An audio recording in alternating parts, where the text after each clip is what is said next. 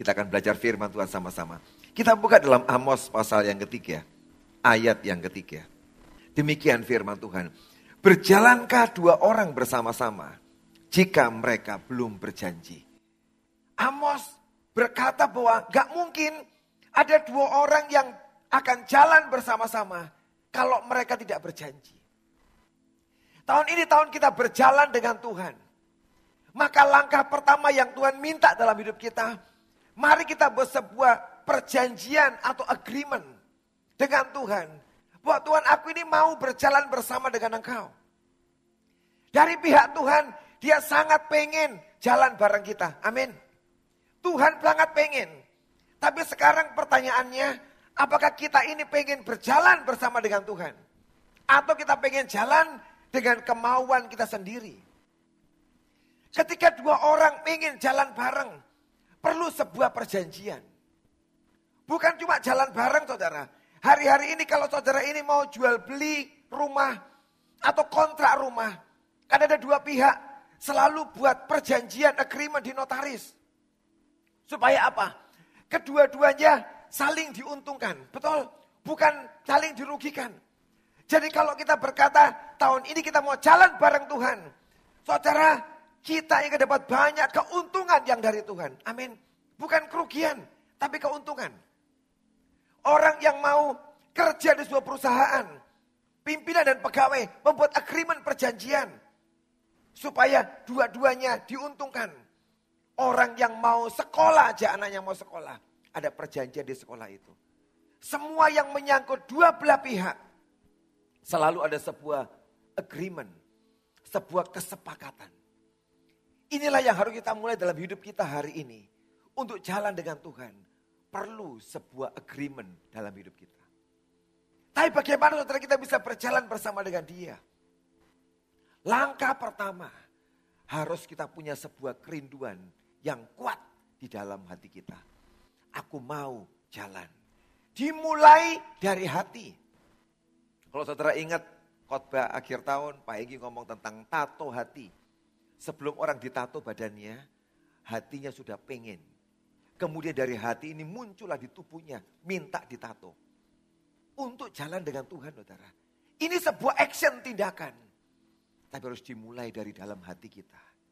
Kalau hatimu sungguh menginginkan, merindukan. Nanti actionnya, jalannya itu gampang. Tapi semua mesti dimulai dari dalam hati. Kalau hatimu gak pengen jalan bareng Tuhan. Kalau gak ada kerinduan yang cukup kuat dalam hati kita. Dan gereja HTE untuk jalan bareng Tuhan. Maka visi kita untuk jalan tahun ini percuma. Sebab yang diutamakan Tuhan, hati yang menginginkan dia. Begitu hati ini pengen. Nanti yang di luar ini lebih gampang saudara. Lebih gampang. Itulah kenapa tahun ini kita mesti meriset hati kita. Diset kembali, diatur kembali hati ini Tuhan. Tahun ini aku pengen jalan dengan engkau. Dan itu nanti bisa membuat sepanjang tahun ini, dari 1 Januari sampai 31 Desember 2023, kita akan mengalami perjalanan demi perjalanan yang ajaib, yang luar biasa. Ketika hati sudah diset, diatur, maka itulah waktu di mana kita akan rela untuk mentaati Tuhan dan tunduk kepada Tuhan. Sebab jalan bareng Tuhan itu perlu sebuah kerelaan dalam hati kita perlu sebuah ketaatan kepada Tuhan. Tapi yang kedua, kalau jalan bareng Tuhan, kita perlu sebuah sacrifice, pengorbanan dalam hidup kita. Bayar harga perlu. Tapi yang ketiga, kita perlu sebuah kesepakatan dengan Tuhan. Apa yang Tuhan mau menjadi kemauan kita juga. Dan itulah yang perlu kita kerjakan dalam hari-hari ini. Menyiapkan hati kita untuk kita jalan bersama dengan Tuhan. Di Alkitab, ada seorang tokoh yang sangat terkenal sebagai orang yang jalan bersama dengan Tuhan. Oh banyak tokoh-tokoh saudara di Alkitab yang jalan bareng dengan Tuhan. Tapi satu tokoh ini sangat spektakuler hidupnya. Dia berjalan bersama dengan Tuhan. Dan ending hidupnya Tuhan mengangkat dia. Dan dia tidak pernah melewati sebuah kematian. Itulah Henoh. Kita buka dalam kejadian pasal 5. Ayat 21 sampai dengan 24. Kejadian pasal yang kelima ayat 21 sampai dengan ayat yang ke-24. Setelah Henok hidup 65 tahun, ia memperanakan Metusala. Dan Henok hidup bergaul dengan Allah selama 300 tahun lagi. Setelah ia memperanakan Metusala. Dan ia memperanakan anak-anak lelaki dan perempuan. Jadi Henok mencapai umur 365 tahun. Dan Henok hidup bergaul dengan Allah. Lalu ia tidak ada lagi. Sebab ia telah diangkat oleh Allah. Ada sebuah cerita pendek gak panjang saudara. Tentang satu pribadi yang bernama Henok. Di Alkitab mungkin tujuh kali, delapan kali disinggung nama ini saudara. Dan kita nggak terlalu banyak tahu siapa orang ini. Ada sebuah rahasia yang Tuhan sebenarnya sembunyikan dengan hidup orang ini saudara. Yang kita tahu dia cuma bergaul dengan Tuhan. Dan satu kali dia diangkat dan hilang saudara. Dikatakan Heno dimulai hidupnya. Ketika dia berusia 65 tahun. Ia melahirkan. Memperanakan istrinya melahirkan seorang putra yang bernama Metusalah. Ketika anak ini lahir, itulah saat yang luar biasa buat orang ini. Ada sebuah terobosan, ada sebuah breakthrough yang luar biasa. Ketika anaknya bernama Metusalah itu dilahirkan. Ada apa dengan anak ini saudara?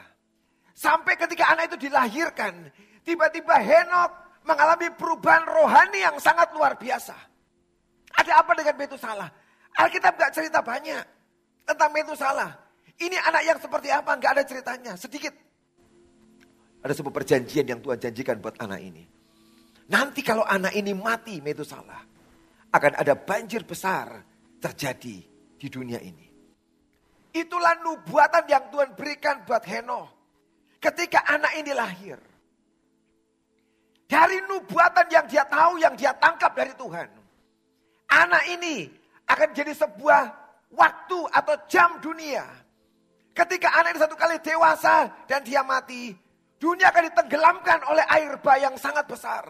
Dan terjadi pada zaman Nuh. Ketika Henok menangkap pesan Tuhan ini. Apa yang dibuat oleh Henok hari itu? Tiba-tiba orang yang biasa ini. Yang memang hari itu sudah jalan bareng Tuhan. Dia sudah jalan. Sebab kalau dia gak jalan bareng Tuhan, tidak mungkin dia mendapatkan pesan yang sangat kuat dengan kelahiran anaknya, Metusalah. Tuhan bicara sebagai sebuah tanda pada anak ini. Dia mendengar akan ada air bah yang besar. Tiba-tiba ada sebuah kesadaran yang sangat besar dalam hidup orang ini. Yang tidak menganggap enteng sebuah pesan Tuhan. Dan dia berkata, hari ini aku mau mengubah hidupku. Jadi lebih sungguh-sungguh lagi. 65 tahun. Henoh sudah sungguh-sungguh jalan bareng Tuhan. Sudah saudara. Tapi setelah kelahiran Metusalah, dia memilih untuk lebih lagi. Dia menaikkan levelnya, berjalan bersama dengan Tuhan. Hari ini mungkin HTE sudah jalan bareng dengan Tuhan. Kita mengalami banyak keajaiban. Tapi tahun ini saudara, apa yang sudah kita alami 2022. Tidak bisa kita berhenti sampai di situ. Kita mesti meningkatkan lagi pengejaran kita, perjalanan kita, kedekatan kita dengan Tuhan. Persis kayak Henoh. Dia tahu nubuatannya.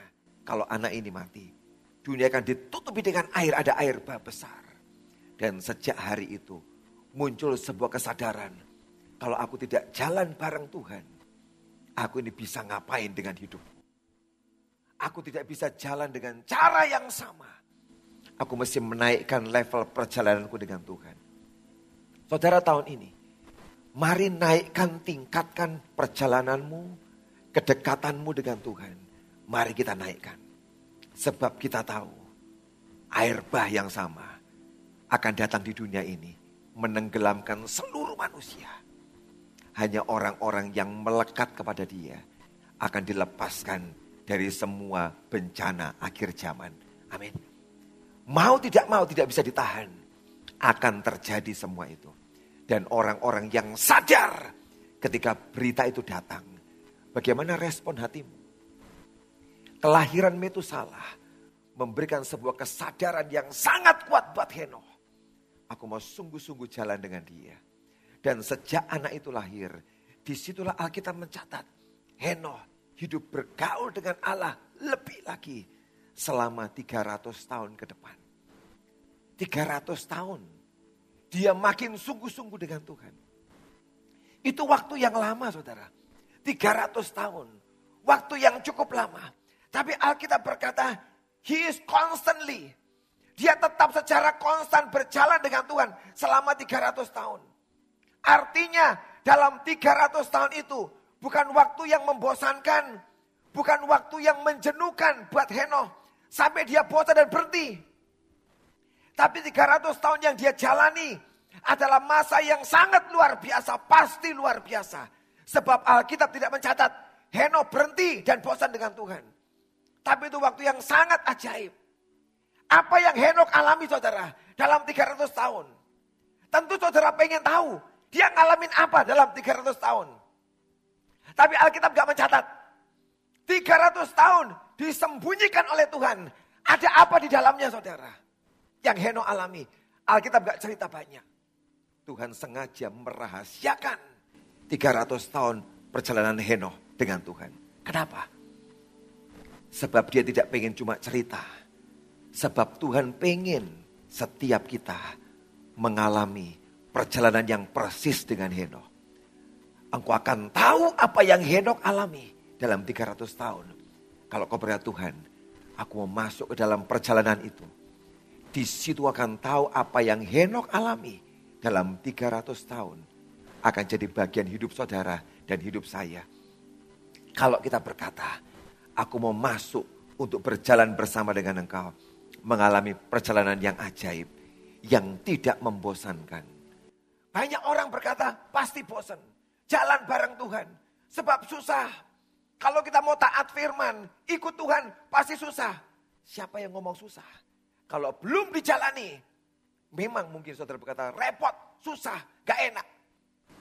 Tapi kalau saudara sudah masuk di dalamnya, engkau akan menikmati apa yang Tuhan sedang sediakan bersama kita. 2023, kalau engkau mau masuk ke dalamnya berkata, aku mau jalan bareng Tuhan. Engkau akan menikmati semua perjalanan yang ajaib, yang luar biasa. Kalau kita ini mau masuk ke dalamnya. Henoh mengalami saudara. Dalam 300 tahun dikatakan, dia memperanakan anak laki-laki dan perempuan. Artinya saudara, Henoh ini hidupnya tidak aneh. Dalam pergaulan dengan Tuhan, dia masih punya anak-anak lagi itu saudara. Artinya keluarganya masih oke, teman-temannya masih oke, baik semua. Tapi pilihan hidupnya berbeda. Dia masih punya anak. Setelah itu, dia masih makan kok saudara. Dia masih normal hidupnya. Tapi jalan-jalan yang dia pilih adalah semua jalan-jalannya Tuhan. Hari ini kalau engkau jalan bareng Tuhan, Jangan berpikir engkau jadi orang yang aneh. Sehingga semua orang gak bisa bergaul dengan saudara. Dan kau disingkirkan. Enggak. Kita tetap jalan seperti orang biasa. Tapi setiap keputusan dan pilihanmu selalu pilihan yang ilahi yang dari surga. Dan kau tidak memilih yang dunia tawarkan. Dan orang akan kaget dan kagum. Dia kok hebat hidupnya. Kok luar biasa. Kenapa? Sebab pilihan-pilihanmu. Pilihan dari surga dan dia bergaul dengan Allah. Dan tiba-tiba dikatakan Henok tidak ada lagi saudara. Henok tidak ada lagi. Dalam 300 tahun perjalanannya tiba-tiba orang kaget. Dia di mana ya nggak ada. Hilang begitu saja. Saya baca sebuah Alkitab, sebuah cerita khotbah yang bagus tentang Henok. Dikatakan ketika Henok berjalan bersama dengan Tuhan. Itu adalah humanity, kemanusiaan bersama dengan divinity sesuatu yang dari Tuhan. Itu jalan bersama. Yang dari humanity, kemanusiaan. Dan dari Tuhan, jalan bersama. Kita mikir gak bisa. Bisa saudara. Sebab kita dengan Tuhan punya satu kesamaan. Apa itu? Rohnya sama. Betul? Dia pernah menghembusi manusia. Tanah liat. Dengan rohnya. Dan menghidupkan manusia. Jadi artinya secara roh kita dan Tuhan punya satu unsur yang sama. Kalau kita berkata Tuhan aku mau jalan bareng dengan engkau. maka kita akan bisa berjalan bersama dengan dia. Waktu engkau berjalan bersama dengan dia saudara.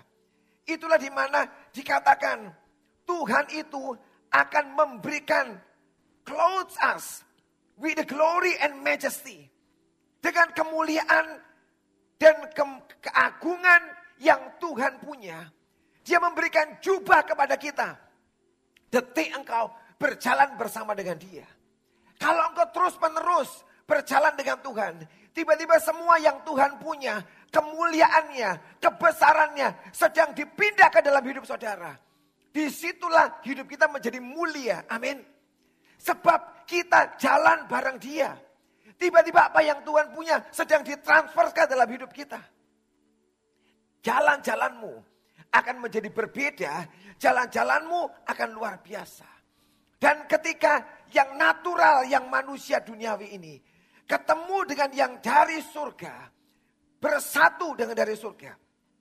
Tiba-tiba tubuhnya Henoh menjadi immortal. Apa itu immortal? Menjadi abadi. Harusnya tubuhnya Henoh mati. Sebab sejak Adam dan Hawa makan buah pengetahuan yang baik dan yang jahat, manusia harus mati dan pasti mati. Tapi ketika manusia memilih berjalan dengan Tuhan, Henoh orangnya, Tiba-tiba tubuh yang immortal ini, yang fana ini, diubah Tuhan menjadi tubuh yang abadi. Dan tiba-tiba dia diangkat Tuhan. Dan dia hilang tanpa sebuah kematian.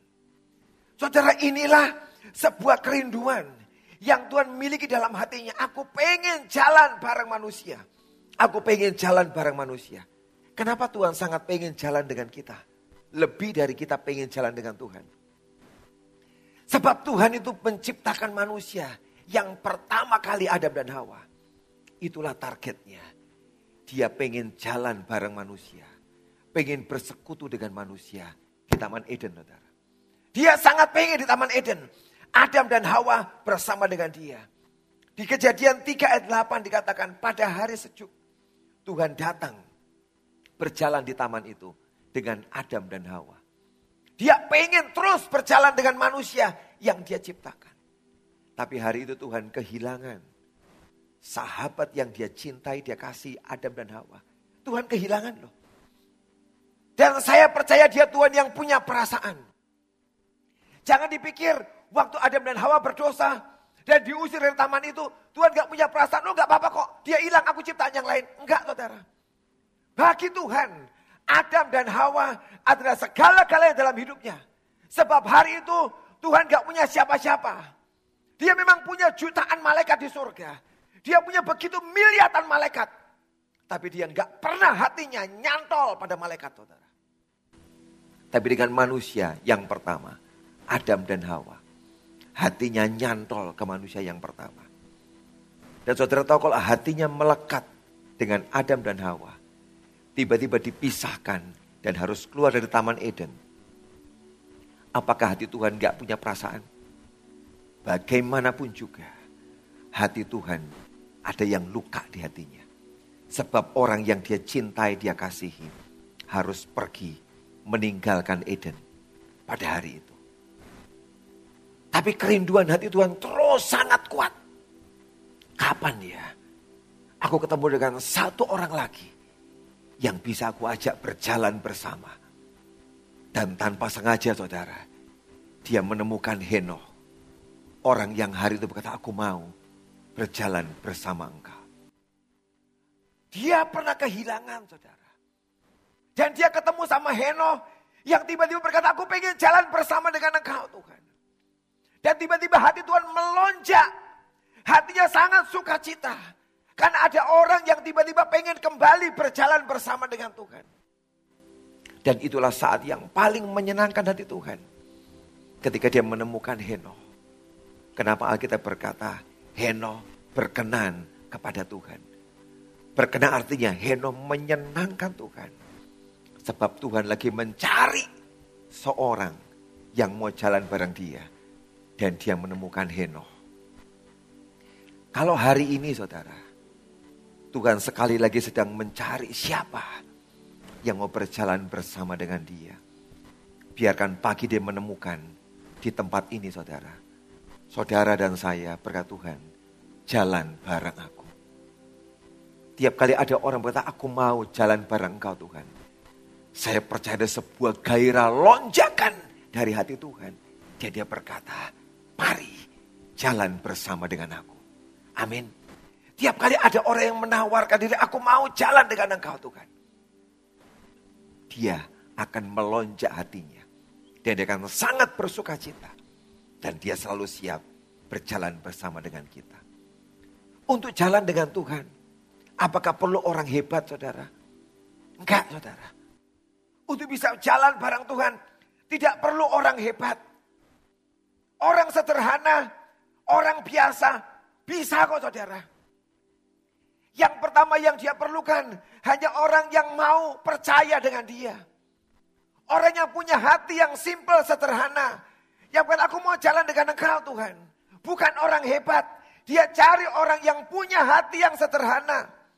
Yang punya simple faith, iman yang sederhana. Yang selalu percaya pada dia. Apa pun yang dia katakan. Orang sederhana, anak-anak kecil adalah orang yang paling gampang diomongin apa saja. Mereka percaya kok saudara. Dan Tuhan sangat suka dengan orang-orang yang mudah percaya. Tiap kali dia bicara pada kita, sahabat ini mendengarkan perkataannya dan mempercayai perkataannya. Itulah yang paling Tuhan senang. Kalau anak-anaknya, sahabatnya mendengar perkataannya dan mudah percaya. Tapi yang kedua, orang yang selalu merespon. Bukan orang yang pasif. Tiap kali dia bicara bukan cuma percaya. Tapi kok orang yang bertindak sesuatu. Kadang-kadang dia nggak minta yang hebat, yang besar. Seringkali dia cuma minta hal-hal kecil dalam hidup kita. Yang kau taati dia mengerjakan. Apakah kau mengerjakan dengan sungguh? Itu yang membuat dia ini suka berjalan bersama dengan kita. Tapi yang ketiga adalah kalau kita ini bisa membuat dia itu senang dan bahagia rela mentaati apa yang dia katakan. Mempercayai. Dan kita mentaati apa yang Tuhan katakan. Itulah cara yang sederhana. Yang membuat engkau bisa berjalan bersama dengan Tuhan. Bukan orang hebat yang dia cari. Tapi hanya orang yang biasa. Yang sederhana. Ibrani 11 ayat 5. Bicara tentang Henoh saudara. Karena iman Henoh terangkat. Supaya ia tidak mengalami kematian. Dan ia tidak ditemukan karena Allah telah mengangkatnya. Sebab sebelum ia terangkat, ia memperoleh kesaksian bahwa ia berkenan kepada Allah. Ia berkenan kepada Allah. Kata berkenan artinya, he's pleasing God. Dia ini menyenangkan Tuhan. Saudara, Tuhan itu pribadi yang sederhana. Dia nggak cari orang yang hebat-hebat. Hanya orang yang punya hati sederhana juga. Yang tadi saya katakan. Percaya dengan dia. Dan mau merespon tiap kali dia berbicara sesuatu dalam hidup kita. Begitu Henok menyenangkan Tuhan. Dia diangkat tinggal bersama dengan dia. Bagaimana saudara? Cara menyenangkan Tuhan. Ayat 6 menjelaskan. Tetapi tanpa iman, tidak mungkin orang berkenan kepada Allah. Tanpa iman, tidak mungkin orang menyenangkan Tuhan. Sebab barang siapa berpaling kepada Allah, ia harus percaya bahwa Allah ada dan bahwa Allah memberi upah kepada orang yang sungguh-sungguh mencari dia. Kuncinya menyenangkan Tuhan adalah kita ini punya iman. Kita beriman percaya kepada Tuhan. Tiap kali engkau percaya kepada Tuhan, itu cukup saudara. Buat engkau menyenangkan hatinya. Engkau percaya, engkau menyenangkan hati Tuhan. Engkau beriman, engkau menyenangkan hati Tuhan. Saya kasih contoh saudara. Kalau hari ini saudara punya teman, suami istri. Suami ngomong sama istrinya, sayang aku nanti beliin kamu ini. Dijanjikan misalkan. Kalau istrinya percaya. Senang gak suaminya? pasti senang. Sayang tak beliin cincin berlian. Oh ya senang banget ya kan. Tapi apakah istri-istri percaya kalau suami ngomong tak beli cincin berlian? Atau respon Allah ngapusi. Apa duit duit ya kan? Begitu muncul respon itu saudara Allah ngapusi. Apa iya? Kira-kira perkataanmu responmu nyakiti nggak saudara? Nyakiti. Yang lain tak beliin. Tak beliin rumah. Tak beliin mobil atau apa saja lah. Tiba-tiba respon istrinya, apa iya? Tidak mungkin. Itulah respon yang sering kali muncul dalam hidup kita saudara. Yang membuat Tuhan tidak disenangkan. Kenapa? Tiap kali dia ngomong sesuatu, engkau gak merespon dengan baik. Selalu respon yang muncul dari hidupmu sesuatu yang negatif. Kalau engkau ingin jalan bersama dengan dia, menyenangkan hatinya. Langkah pertama, percayalah dengan apa yang Tuhan katakan. Apa pun yang dia katakan, percayalah. Tanpa iman, engkau tidak mungkin menyenangkan Tuhan. Tapi kalau engkau selalu merespon percaya, beriman kepada dia. Di situlah engkau ini sanggup menyenangkan hati Tuhan. Memang menyenangkan Tuhan itu tidak gampang. Tidak gampang. Dalam semua cerita Alkitab, tidak banyak orang yang berhasil menyenangkan atau berkenan kepada Tuhan. Gak banyak, oh saudara. Hanya kelompok yang kecil, gak banyak. Sebab tidak banyak orang yang tahu bagaimana menyenangkan hatinya. Tapi bukan berarti gak bisa, saudara. Walaupun kelompok kecil, biarkan kita berkata Tuhan, kalau memang sedikit orangnya, tidak banyak. Biarkan yang sedikit itu adalah aku. Amin. Bukan tidak ada. Memang ada kelompok kecil. Dan biar kita minta Tuhan, biarkan akulah orangnya yang bisa menyenangkan hatimu. Karena aku ini orang yang selalu mau percaya. Tahun ini kalau kita mau jalan bersama dengan Tuhan, ini tahun kita harus percaya dan beriman kepada Tuhan. Amin. Percaya kepada Tuhan. Seperti apa pun perkataannya tidak masuk akal. Tetap percaya. Saudara dalam kisah Natal. Saya tidak khotbah di, di, di Natal. Saya khotbah di Natal lansia. Tentang Elizabeth. Dan Sakaria. Itu orang yang jalan bareng Tuhan. Tapi doa mereka belum dijawab. Sebab pasangan yang salah ini Pasangan yang cinta Tuhan, yang lahir Tuhan ini mandul ceritanya. Gak punya anak. Sampai mereka sudah terlalu tua untuk punya anak. Gak mungkin punya anak lagi. Kira satu kali Sakaria melayani membakar ukupan di bait Allah. Malaikat Gabriel datang berkata, Sakaria, istrimu akan mengandung. Susah buat Sakaria, percaya. Sebab dia tahu Elizabeth sudah jadi seorang nenek. Gak mungkin hamil lagi. Gak mungkin. Tapi janji Tuhan tidak pernah kadaluarsa. Amin. Ingat saudara, janji Tuhan tidak pernah apa? Kadaluarsa. Semua janji yang pernah dia berikan dalam hidupmu tidak akan kadaluarsa. Dia akan menggenapi satu kali kelak. Sekalipun kita berpikir, terlambat sudah kadaluarsa. Kalau dia berjanji, dia tetap menggenapi janjinya dalam hidup kita. Dan hari terjadi saudara. Elizabeth yang sudah tidak mungkin punya anak. Sudah tua dan mandul. Tiba-tiba dia hamil. Dan dia melahirkan Yohanes Pembaptis. Nabi yang besar mempersiapkan jalan bagi Tuhan Yesus. Padahal telat. Respon Sakaria cuma satu. Aku percaya. Elizabeth percaya. Dan hari itu dia mendapatkan janji Tuhan yang ajaib. Untuk jalan bareng Tuhan, kita masih percaya kepada dia sekalipun yang sedang kita hadapi tidak masuk akal dan tidak bisa dipercaya. Engkau akan melihat di tahun ini ada banyak mujizat keajaiban kalau engkau jalan bareng dengan Tuhan. Bill Johnson ngomong, saya baca bukunya. Dia berkata, akan tiba saatnya di mana surga akan menyerbu bumi. Surga akan menyerbu bumi. Artinya semua yang surga punya akan diturunkan dengan sangat kuat ke bumi ini. Kapan terjadi saudara? Kalau ada manusia yang natural ini saudara. Mau membuka sebuah ruang dan tempat untuk yang supranatural datang. Maka semua yang surga punya akan diturunkan.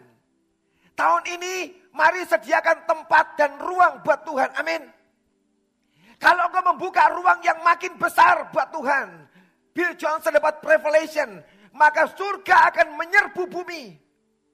Semua yang surga punya Sebesar apa wadahmu yang kau buka, makin besar kepercayaanmu, makin besar imanmu kepada Tuhan tahun ini.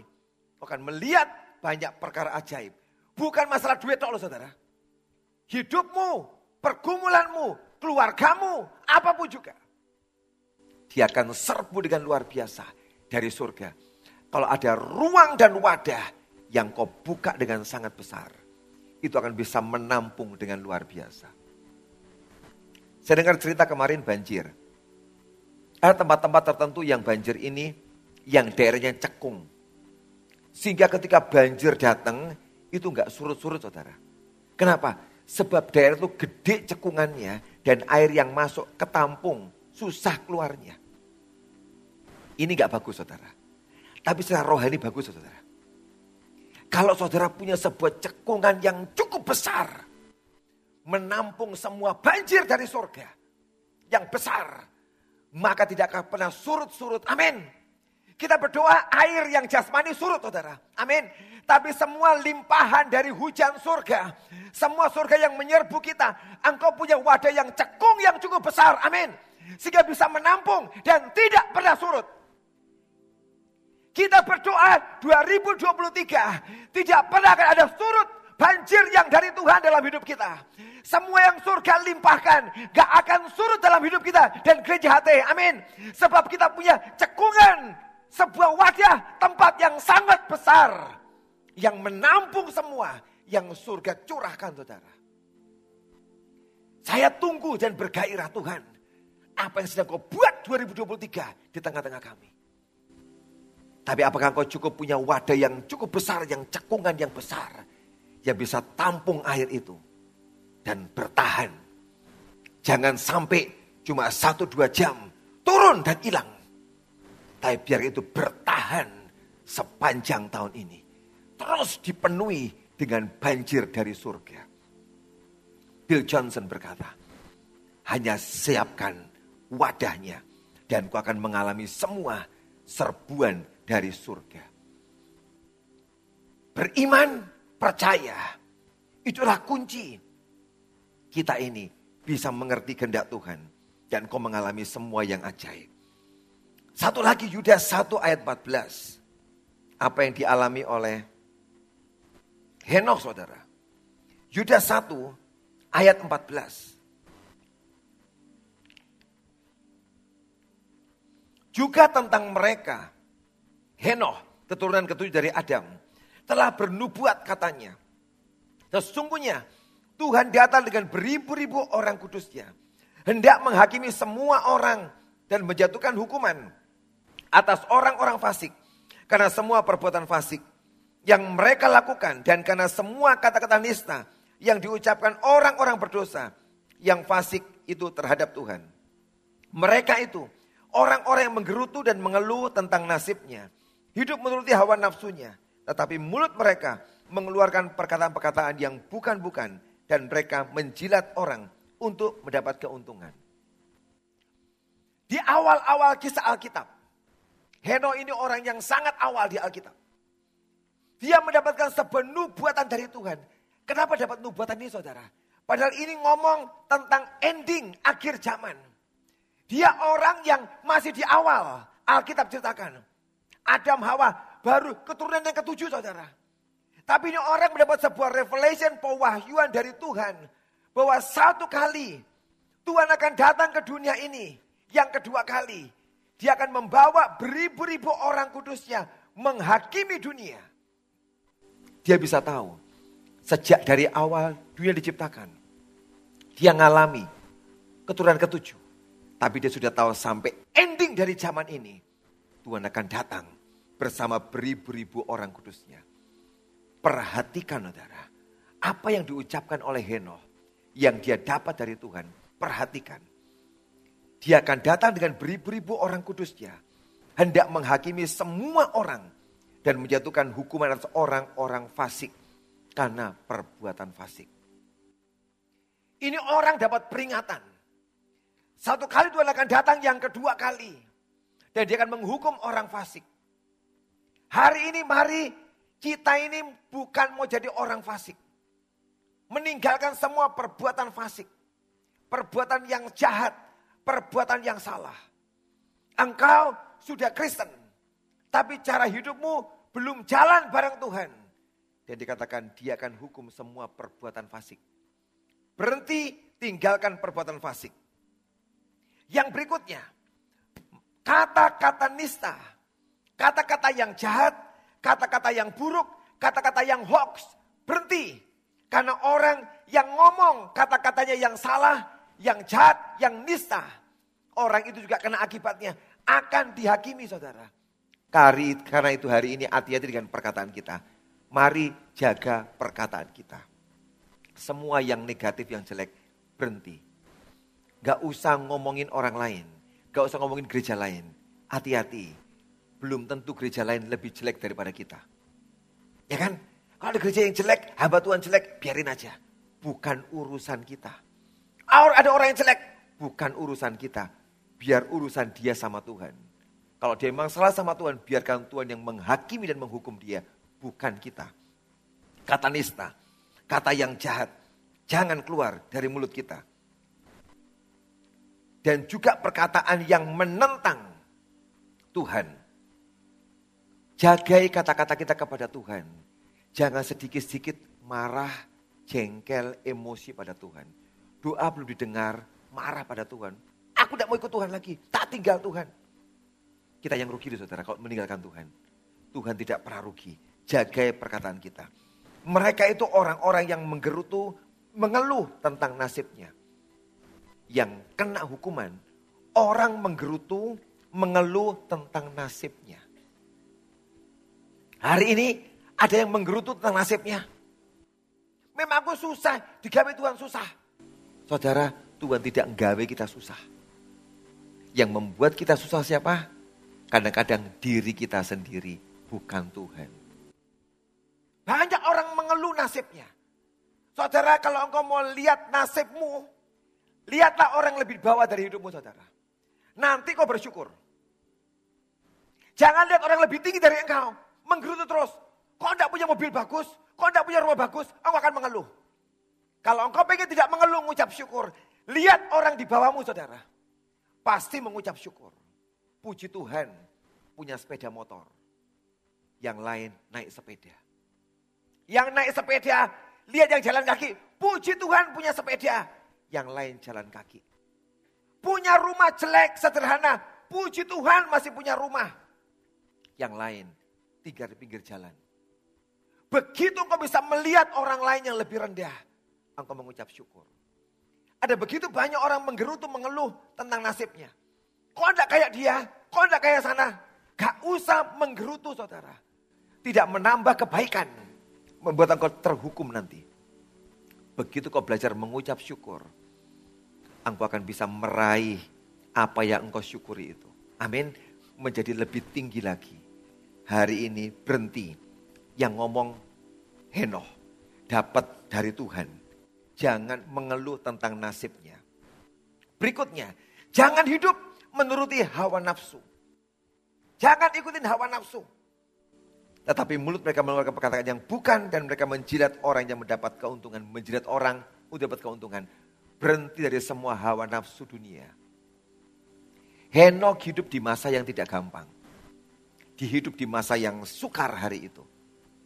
Sebab saya baca sebuah kitab menceritakan Henok bersama-sama dengan Nuh sebenarnya.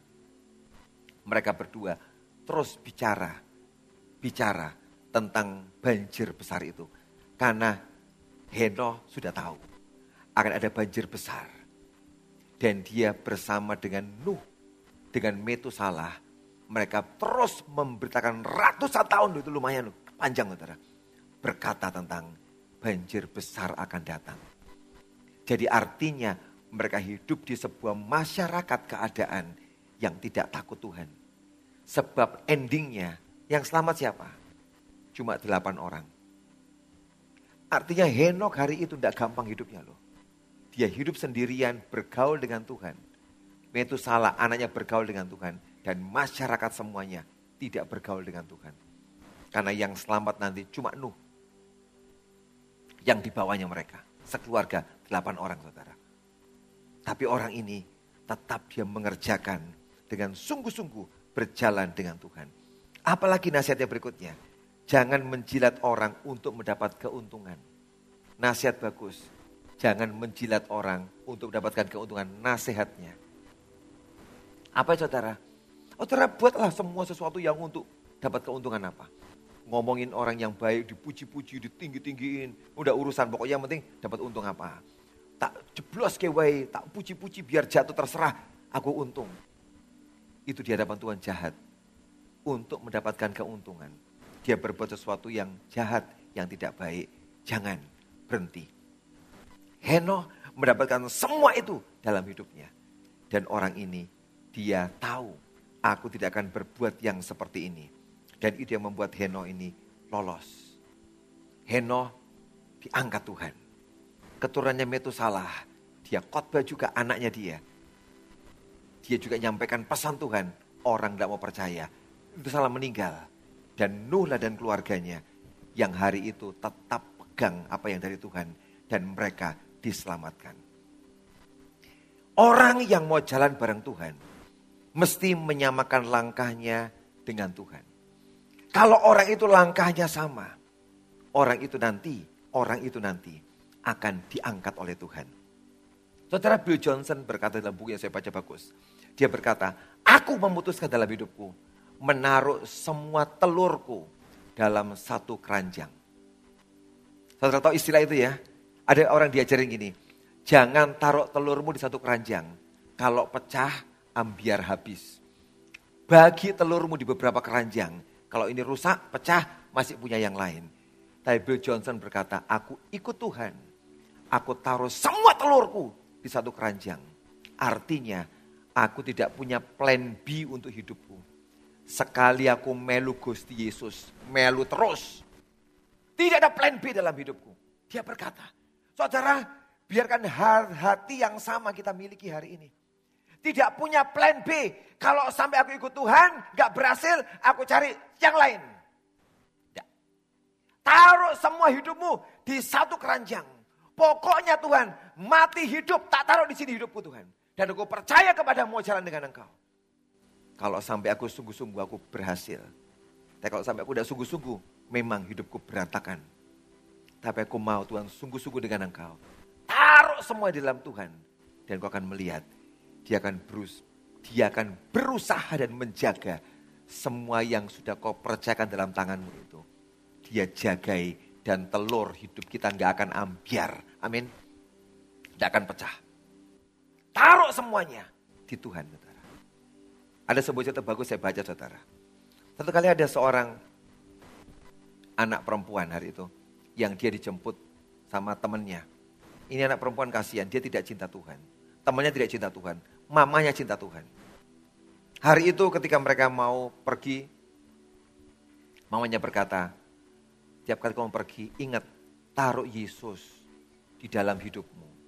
Ke mana pun kau pergi, ingat, selalu minta Tuhan bareng kamu. Kamu akan aman. Kamu akan aman. Tapi apa dikatakan sama orang yang tidak cinta Tuhan ini? Pacarnya yang fasik ini. Yang begini, ya aku akan bawa Yesus. Tak taruh di bagasi mobilku. Dia ngomong dengan kasar, tak taruh di bagasi mobilku. Yang betul setelah hari itu terjadi mobil itu pergi. Dia mengendarai dengan cepat di sebuah jalan. Tabrakan saudara. Dan mati semua penumpangnya. Tapi yang ajaib, ketika mobil itu ringsek hancur, di bagasi dibuka, ada satu kerat telur, gak ada yang pecah, utuh. Telur yang utuh loh. Sampai orang heran kok bisa ya? Ini kecelakaan telur kan rapuh tuh saudara. Ini di depan orang mati dan hancur mobilnya telur di bagasi tidak hancur. Mamanya ingat. Dia maki berkata, aku taruh Yesus di bagasi. Dan Yesus mungkin hari itu berkata, oke okay, aku di bagasi. Aku tak jagani telur. Aman telurnya. Orangnya mati. Telurnya aman. Hari ini saudara, aku sedang taruh Yesus di mana dalam hidupmu saudara. Kalau itu nempel dengan engkau bersama dengan dia. Dia berkuasa menjaga hidupmu. Serapu apa hidupmu. Sefragile apa hidupmu. Dia akan menjaga yang kau. Waktu kau berjalan bersama dengan dia. Amin. Dia tidak akan biarkan akan remuk, hancur, dan ambiar. Tidak akan. Sebab waktu kau jalan bersama dengan dia tahun ini, dia akan menjaga engkau dengan luar biasa. Kalau orang itu, orang Kristen yang normal, seharusnya adalah orang-orang yang menginginkan semua perkara supranatural.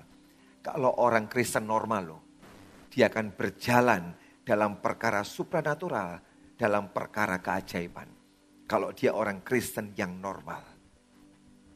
Menginginkan semua perkara-perkara yang supranatural dalam hidupnya.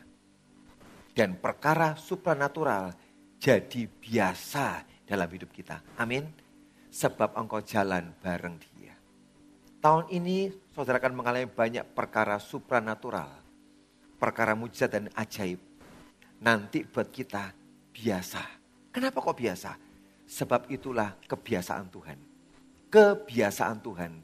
Kalau kita jalan bareng dia, perkara ajaib. Wow luar biasa. Saya bilang biasa buat kita. Sebab Tuhan yang mengerjakan dalam hidupku. Nanti jadi perkara yang biasa. Amin. Ayat terakhir. 1 Yohanes 2 ayat 6. 1 Yohanes 2 ayat yang ke-6. Barang siapa mengatakan bahwa ia ada di dalam dia, ia wajib hidup sama seperti Kristus telah hidup. Dalam bahasa ini dikatakan barang siapa mengatakan bahwa ia abide in him, tinggal dalam dia. Ia wajib hidup sama. Kata hidup sama adalah walk as Christ walk. Hidup seperjalan seperti Yesus berjalan. Jadi tahun ini kalau kita berkata Tuhan aku ini tinggal dalam engkau. Maka jalan-jalan kita sama seperti jalan Kristus. Amin. Kristus jalan di mana kita bareng dia. Di belakangnya bareng dia jalannya. Itu aman. Amin. Aman. Jangan cari jalan lain. Sudah gampang-gampang. Ikuti jalurnya. Engkau aman. Tanya Pak Charlie. Kalau dia naik gunung. Dia suka naik gunung. Bagaimana bisa mencapai puncak yang aman? Kalau mau naik gunung. Tinggal ikuti jalannya. Ada jalan yang sudah diinjek-injek orang. Artinya orang lewat di jalan itu. Udah ikuti itu aja. Jangan kreatif. Cari jalan yang lain. Sekalipun jalan yang kau lihat. Oh lebih pendek. Lebih dekat. Lebih enak. Jangan pernah ambil jalan itu saudara. Engkau tinggal ikuti jejak dari Tuhan. Ikutin aja. Loh ini kok mendaki, kok agak berat, ikuti. Tidak usah kreatif. Dia pernah kreatif satu kali, dia cerita sama saya. Saya nggak tahu di gunung apa itu dia naik. Dia pikir lewatin lebih dekat. Waktu dia menyimpang ambil jalan itu, ada pendaki yang teriak, jangan lewat sana, jangan lewat. Begitu dia lewat, dia lihat ke bawah. Saudara itu jalan tiba-tiba putus dan jurang ke bawah tiba-tiba. Gak kelihatan. Dan dia teriak, jangan, jangan mati kamu lewat itu. Jangan. Itu jalan yang seperti jebakan. Kayaknya bagus, enak, landai. Tapi di ujungnya saudara, ada jurang yang sangat dalam. Yang banyak orang ambil jalan dan kecemplung. Pendaki yang pernah jalan, dia tahu. Dia teriak, jangan jalan di sana.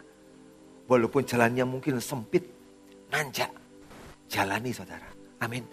Tahun ini Yesus sudah merintis jalan itu. Bagianmu ikutin aja. Jangan kreatif, jangan nyimpang. Kau pikir ini enak jalan yang lain. Ujungnya jurang. Tahun ini saudara, tidak ada orang yang kecemplung jurang. Tidak ada yang kecemplung jurang. Sebab kita jalan bareng Tuhan. Engkau sampai di puncak gunung itu dengan aman. Amin.